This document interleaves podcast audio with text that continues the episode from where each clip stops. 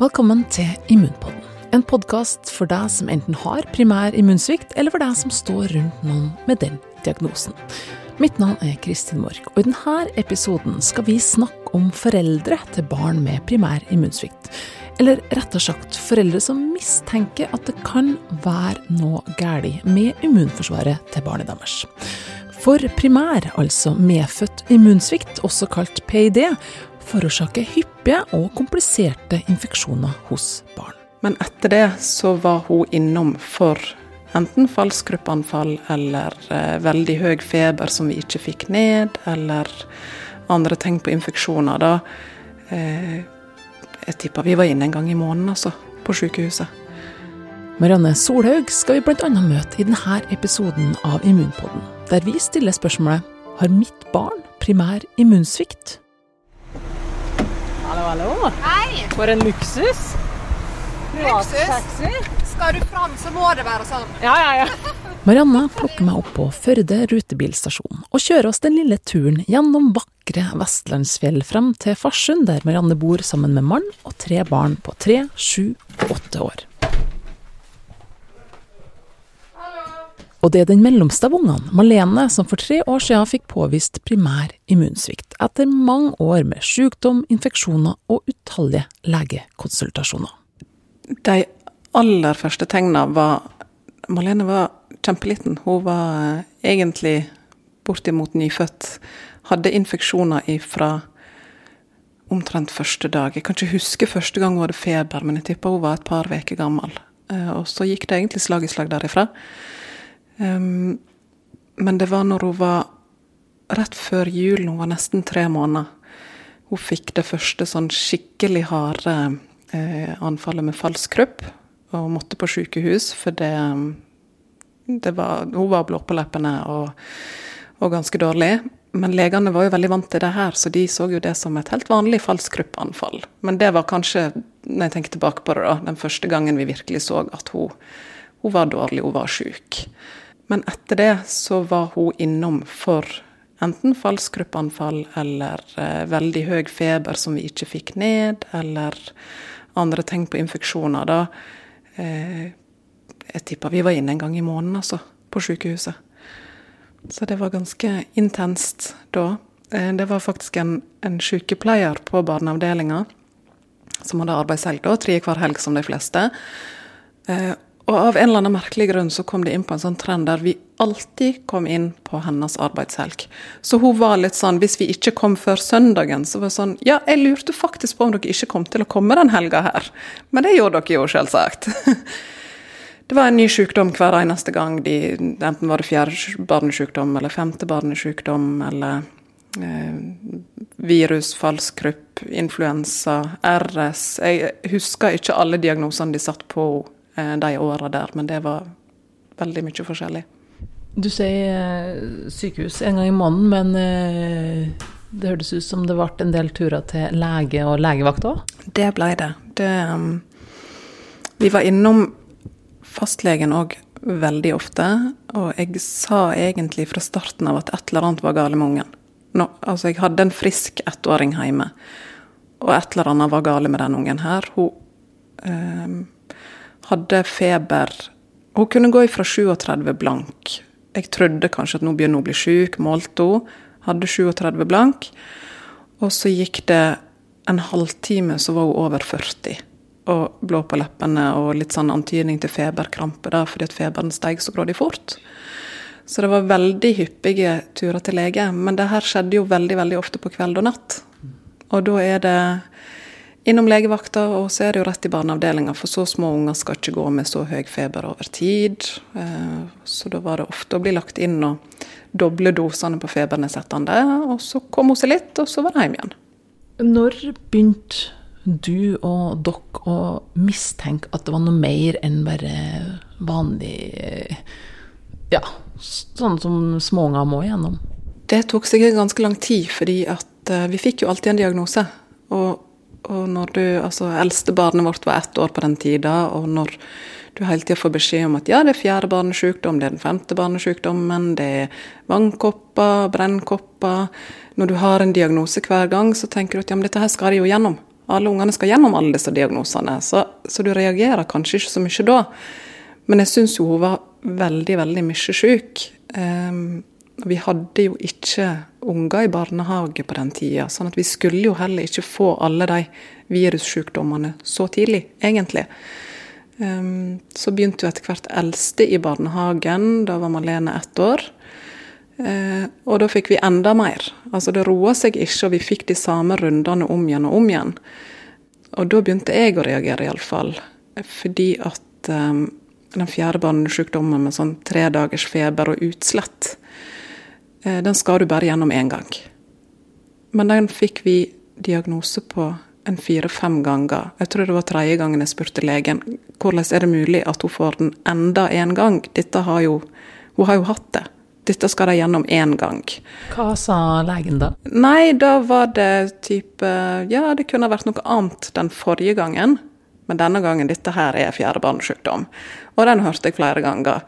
Eh, men legene jeg, tror, jeg vet ikke om de ikke bladde tilbake igjen og på en måte så helt igjennom det, for de var jo skråsikre hver gang på at det her var fjerde barnesykdom, og det er derfor feberen er så veldig høy som den er. og, og sånt. Så de reagerte egentlig ikke veldig da, nei. Jeg tror ikke eh, immunsvikt var noe som sveva verken meg eller legene på den tida. Jeg vet nå sjøl ikke om jeg hadde hørt om det omtrent. For det må nevnes at Malene hadde allerede en diagnose med seg i bagasjen. Hun var da frisk når hun var født, antatt frisk. Um, men hun fikk påvist en uh, kromosomfeil um, når hun var to og et halvt år, tror jeg.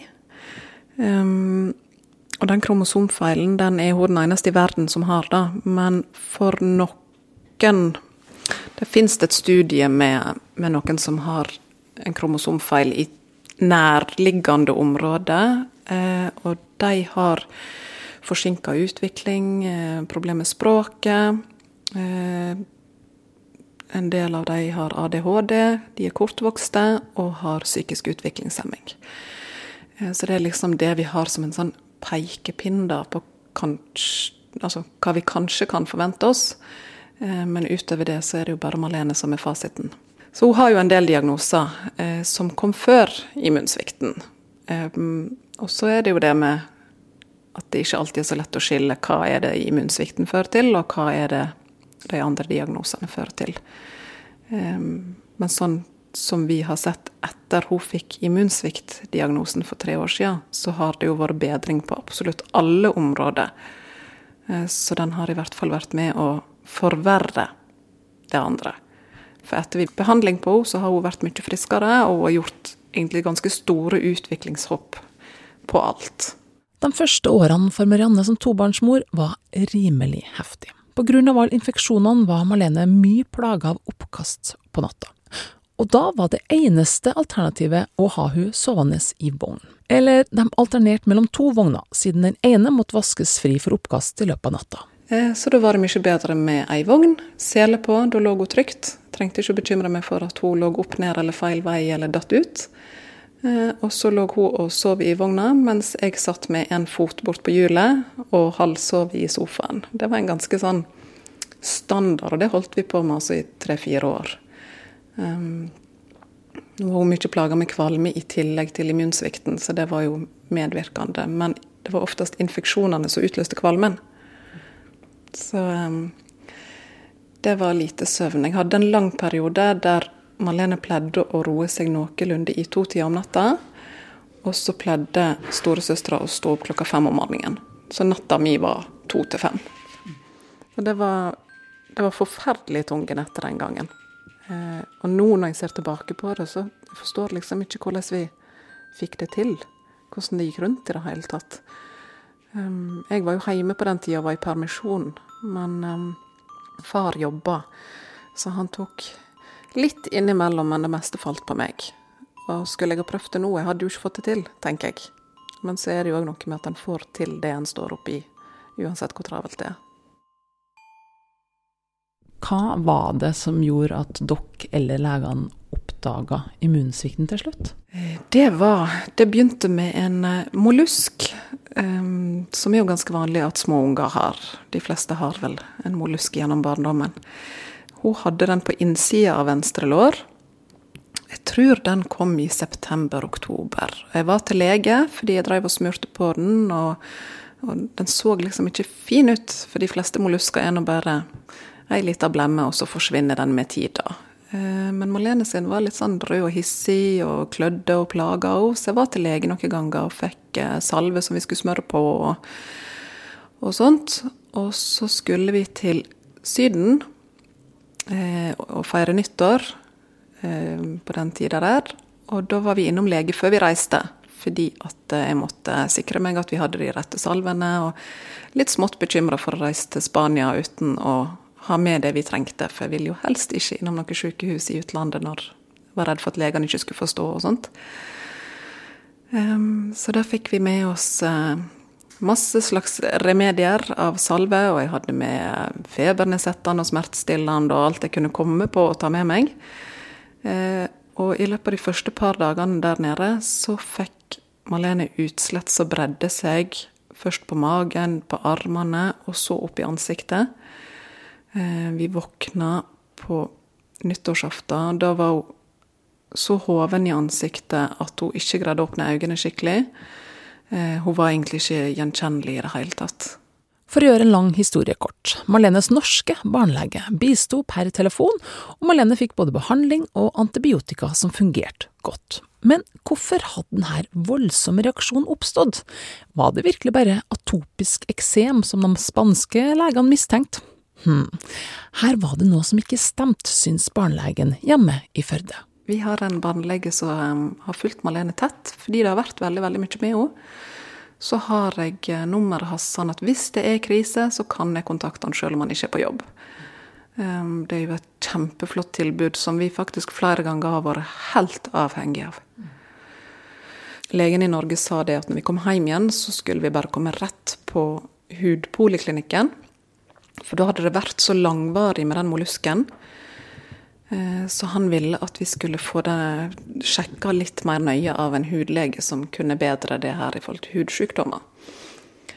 Eh, og kom til hudlegen der, som sa det at Malene antagelig reagerte på den salva vi hadde fått for å smøre mollusken med. Sånn at vi hadde på en måte påført henne Eh, en mye verre hudreaksjon enn det hun i utgangspunktet hadde, fordi vi smurte henne med en salve som hun ikke tålte. Og det var visst veldig uvanlig å ikke tåle akkurat den salven. Men det var, det var liksom det vi gikk ut derifra med, da. Det var en diagnose om at hun var allergisk mot den salven. Eh, da fikk vi oss noen andre salver, og de fungerte kjempefint. Utsletta forsvant, men da var barnelegen begynt å reagere litt på jeg vet ikke om det var sammensetninga i forhold til hudproblematikken, eller om man så den i lag med alle infeksjonene som hun hadde hatt opp igjennom. Eh, I alle fall så ønskte han da å ta blodprøver i forhold til eh, immunforsvar. Hva var det som fikk barnelegen til å reagere? Jo, på en SMS så skriver han at det var kombinasjon av failure to thrive, eller mislykka trivsel, og mange infeksjoner av ulike typer der leit etter spesifikke bakterier ikke ga gode svar, men antibiotika ga god effekt.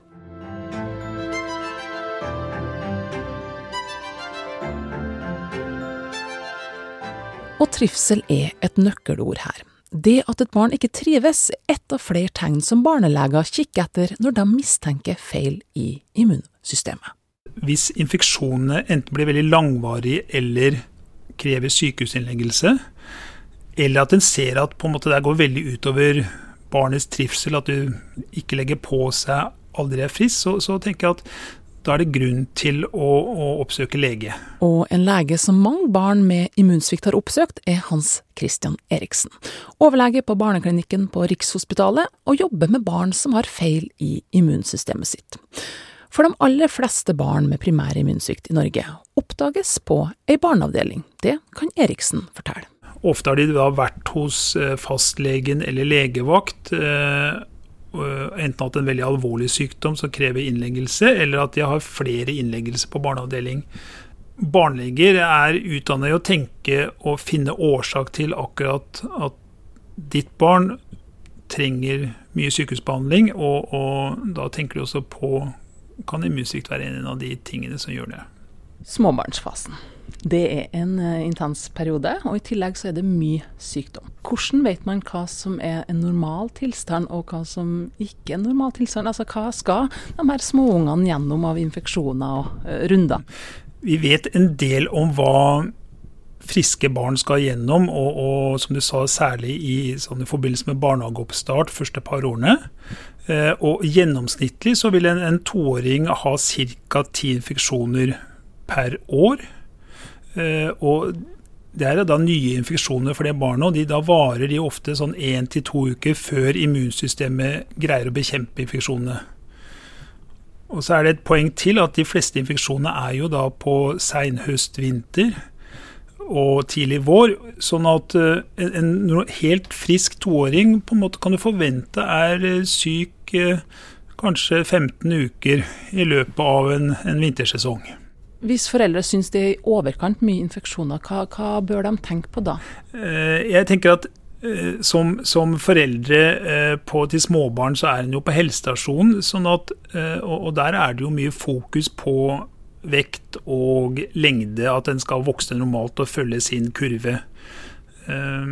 Hvis en har et barn som ikke gjør det, og samtidig har veldig mye infeksjoner, så, så, tenker jeg at det er en grunn til å få sett nærmere på og oppsøke fastlege og sannsynligvis henvises til en barneavdeling for utredning. Et barn som har normalt immunsystem og er frisk, de, de skal bli friske av infeksjonene sine til vanlig tid. Altså de skal gå én til to uker, og skal de bli friskere. Og så generelt på alle barneavdelinger så er vi jo veldig opptatt av at de, de viser en fin trivsel, dvs. Si at de har god utvikling eh, på alle områder, altså motorisk og språklig, og også at de da går opp i vekt og vokser som de skal. Eh, hvis det er sånn at sykdom, hyppig sykdom går utover at de ikke legger på seg som de skal, eller at de stopper å vokse, så er det sånn ting eh, jeg og, og barneleger liksom tar alvorlig, og da må vi se nærmere på det. Er det noen spesielle former for infeksjoner som eh, dere biter dere merke? Eh, ja, det er det. Eh, og, Én ting som er jo vanlig hos babyer, og det er å ha trøske eller sopp på tunga. Men når du har blitt ca. et år gammel, så skal du ikke ha det lenger. Sånn at å ha f.eks. sopp i munnen eller nedover i, i svelget, spiserøret, det er ikke vanlig. Um, hvis en skulle få veldig uvanlig, altså bli alvorlig syk, og en finner en veldig uvanlig bakterie eller sopp som ikke andre blir syke av, så tenker vi også at oi, det kan være, kanskje være en immunsvikt. Um, og så er det da det som er litt vanskelig, er jo de barna som har gjentatte infeksjoner uh, og kanskje krever sykehusbehandling.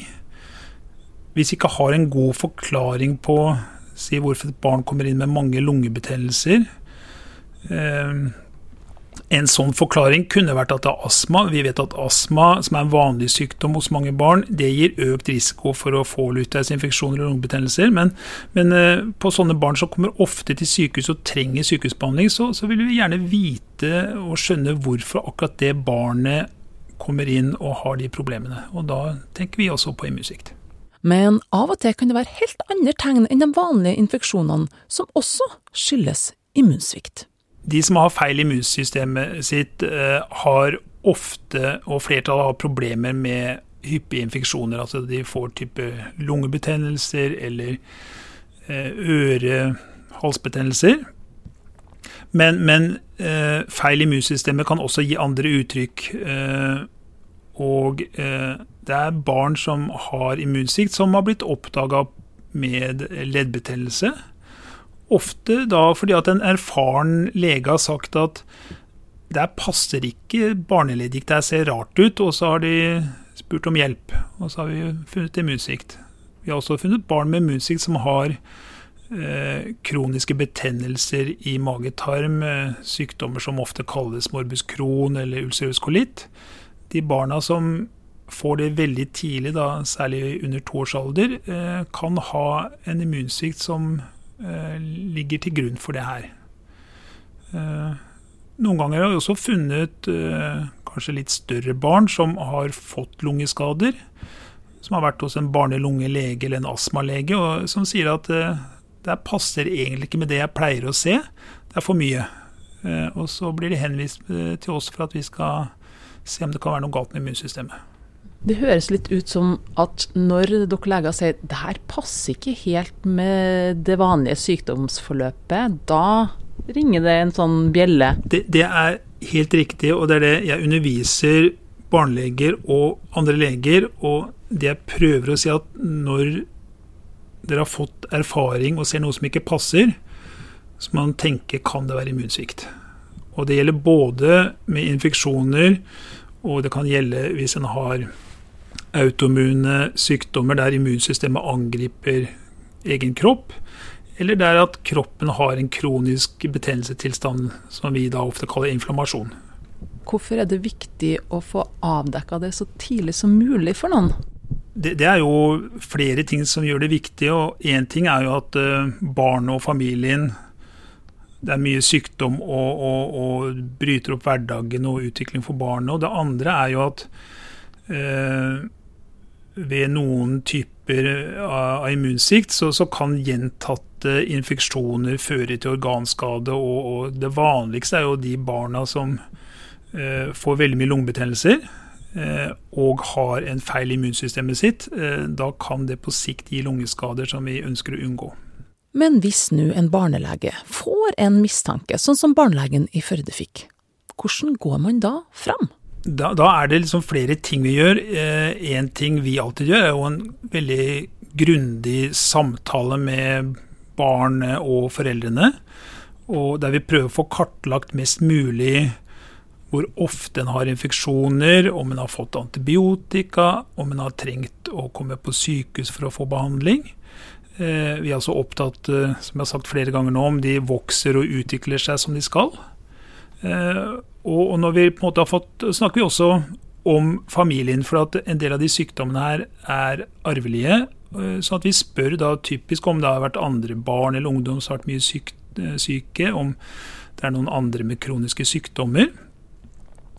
Og så, så, gjør vi da blodprøveutredning, og, og, den kan gjøres på mange forskjellige nivå. Eh, den aller, aller vanligste immunsvikten er å mangle noe som heter immunglobulin G, eh, som er veldig viktig for å beskytte mot bakterier og virus. Eh, de barna som mangler immunglobulin G, de får typisk masse lungebetennelser. Eh, og det er en enkel blodprøve som en kan ta hos fastlegen eller på en barneavdeling. Jeg jobber jo på eh, universitetssykehus, og der vi på en måte ser nesten alle barna i, i Norge. Og vi har veldig mange prøver eh, for å prøve å komme nærmere eh, hvis det er litt vanskeligere å bli sikker på hva, om det er en immunsvikt eller ikke. For sjøl om primær immunsvikt kommer i mange ulike former, så er det viktig å huske på at den kommer sjeldent, understreker Eriksen. Det, det er jo sjeldne sykdommer, og, og sånn i Norge så tror vi kanskje at én av 10 000 har en, en immunsvikt som på en måte eh, har betydning av at det gir på en måte helseplager. da. Eh, og, og, hvis en tenker over det, så, så det fødes omtrent 55 000 barn i Norge i året. Så at hvert årskull så, så vil du kanskje ha en fem-seks stykker med immunsvikt.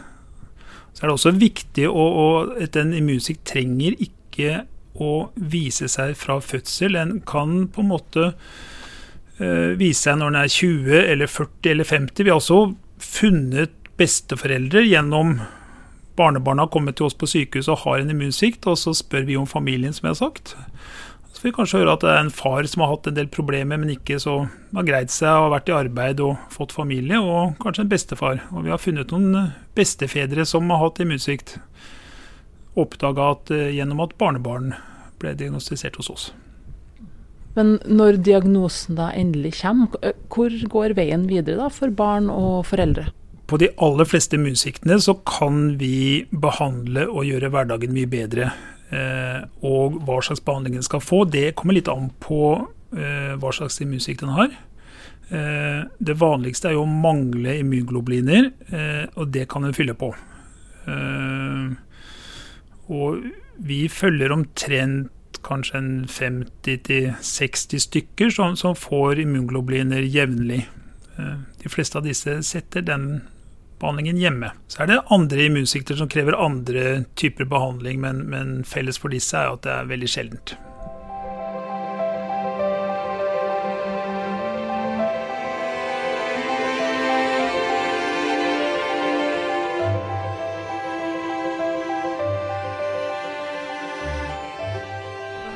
Fantastisk at det her er det som skal til for at hun skal være så mye frisk. For det er så lite.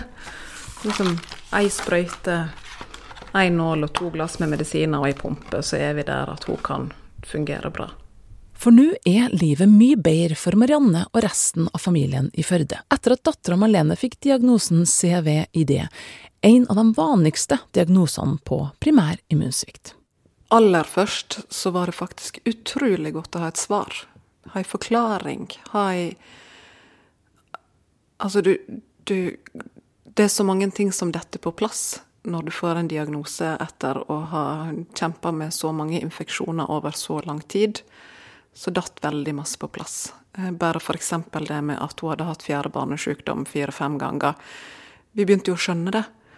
Em, på samme tid så han fikk svar på at em, immunforsvaret var veldig dårlig, så ble det òg tatt prøver i forhold til om hun hadde antistoff mot de sykdommene som eh, inngår i barnevaksinasjonsprogrammet. Det hadde hun ikke. Hun hadde ikke antistoff mot noen ting. Um, sånn at det òg forklarte jo litt um, Det forklarte litt, men det var kanskje mest skummelt akkurat den biten, da. Hun er ikke beskytta mot meslinger, hun er ikke beskytta mot røde hunder, hun er ikke beskytta mot noe. Det er flokkimmuniteten som må beskytte henne mot de tinga. Så den var litt hard å svelge, på samme tid som at vi har det veldig trygt og godt, for vi har flokkimmunitet i Norge. Um, men det var mest av alt godt, faktisk. Bare det å få et svar. Uh, og så var det litt skremmende. Jeg ble jo litt bekymra, for etter den uh, Spania-turen med sykehusbesøk og sånt, så blir en jo litt, litt redd for at legene ikke skal forstå språkhindringer. Eh, At medisinene er medisiner som de ikke ville brukt i Norge. Eh, Så det var Det kom opp veldig mange spørsmål når diagnosen kom. For kan vi reise på ferie? Eh, Kan hun få få reise til andre kulturer med andre bakterieflora enn det vi er vant til. Masse spørsmål. Kjempemasse. Men så er det noe med òg at um, det går an å reise veldig masse uten å reise til de plassene som er lengst unna Norge og lengst unna vår bakterieflora. Du kan jo oppleve veldig, veldig masse likevel. Sånn at det kom egentlig flere løsninger enn det kom problem ut av diagnosen, da. Det gjorde det. Absolutt. Så um, skremmende. eh, Du blir litt redd. eh, Men mest av alt så var det positivt. Og hva er liksom navnet på diagnosen som eh, Malene fikk da? Hun har CVID, som er en primær immunsviktdiagnose. Um, Når vi hørte om livet før diagnosen, hvordan har livet etter vært? Det har vært uh, fantastisk, faktisk. Det har det. Uh, så lenge hun får behandlinga si, så er hun frisk. De andre ungene er nede for telling med virus, sånn som uh, unger flest er. Og Malene hun bare er frisk og fin og kan gå på skolen og Nei, hun har på det jevne vært frisk. Det er slutt på innleggelser annenhver tre-hver uke. Eh, antibiotikakurer. Hun hadde så mye av det før diagnosen og før behandlinga.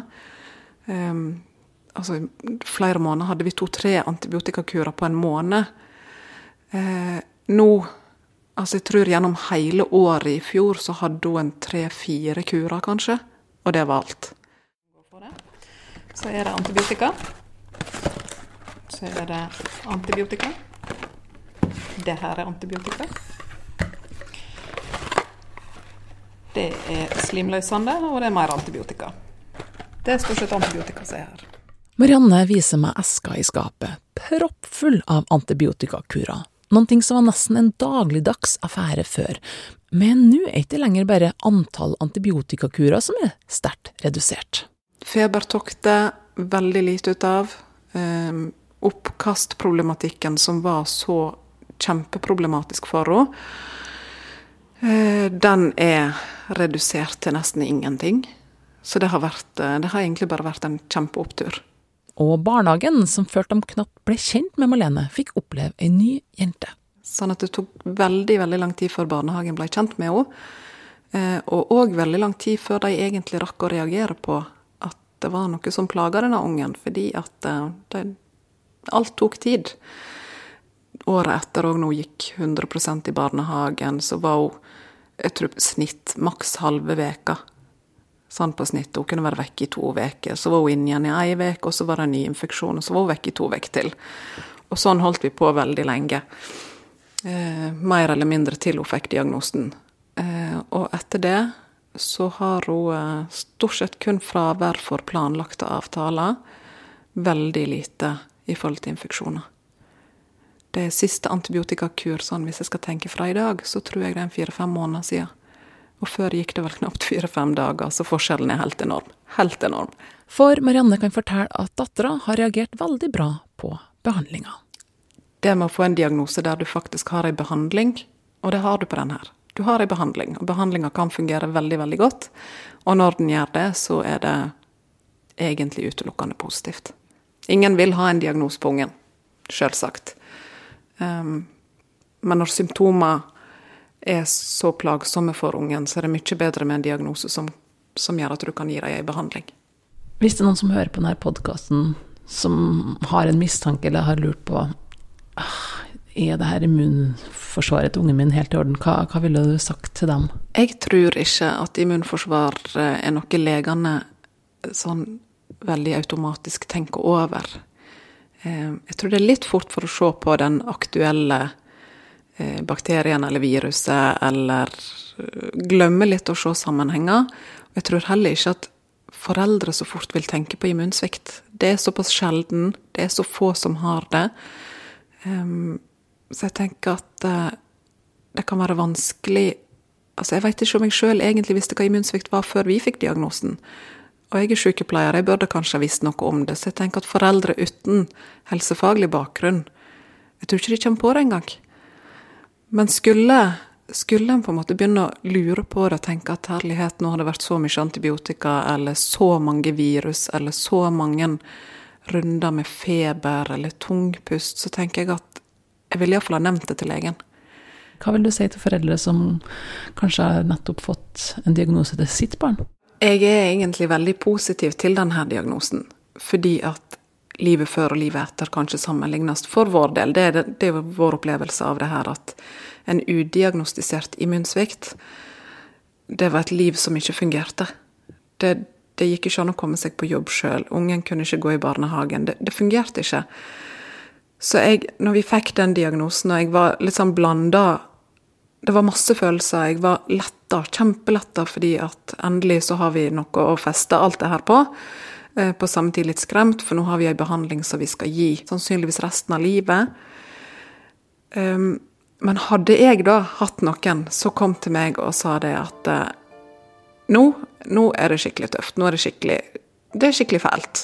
Ungen din har fått en diagnose, du blir ikke kvitt den, den kommer til å vare livet ut. Um, så må det være lov å gå litt i kjelleren, kjenne litt på at det her er urettferdig, og det her er egentlig helt forferdelig. Men jeg skulle ønske, når jeg var der, at noen kom og sa det til meg, at vær der, bruk tid på å komme over sjokket og, og bli ferdig med det, og så blir det så mye bedre etterpå. Livet på en måte begynner litt på nytt, fordi at alt blir så mye bedre når du bare får den behandlinga. Hvis du er en av dem som mistenker primær immunsvikt, enten hos barn eller hos voksne, så ta kontakt med fastlege. Inne på nettsida til Norsk immunsviktforening, immunsvikt.no, finnes det to forskjellige faktaark under punktet diagnoser. Dette kan være et godt utgangspunkt for å kartlegge en eventuell diagnose. Og om flere er oppmerksom på varselsignalene, kan flere bli diagnostisert tidligere. Tusen takk til Marianne Solhaug og Hans Christian Eriksen, som har bidratt til denne episoden. Har du som hører på tips til tema vi kan ta opp her i Immunpodden, så hører vi gjerne fra deg. Send en e-post til redaksjonen krøllalfa cslbering.com. Takk til CSL Bering som muliggjør denne podkasten. Du har hørt på Immunpodden, og mitt navn er Kristin Mork.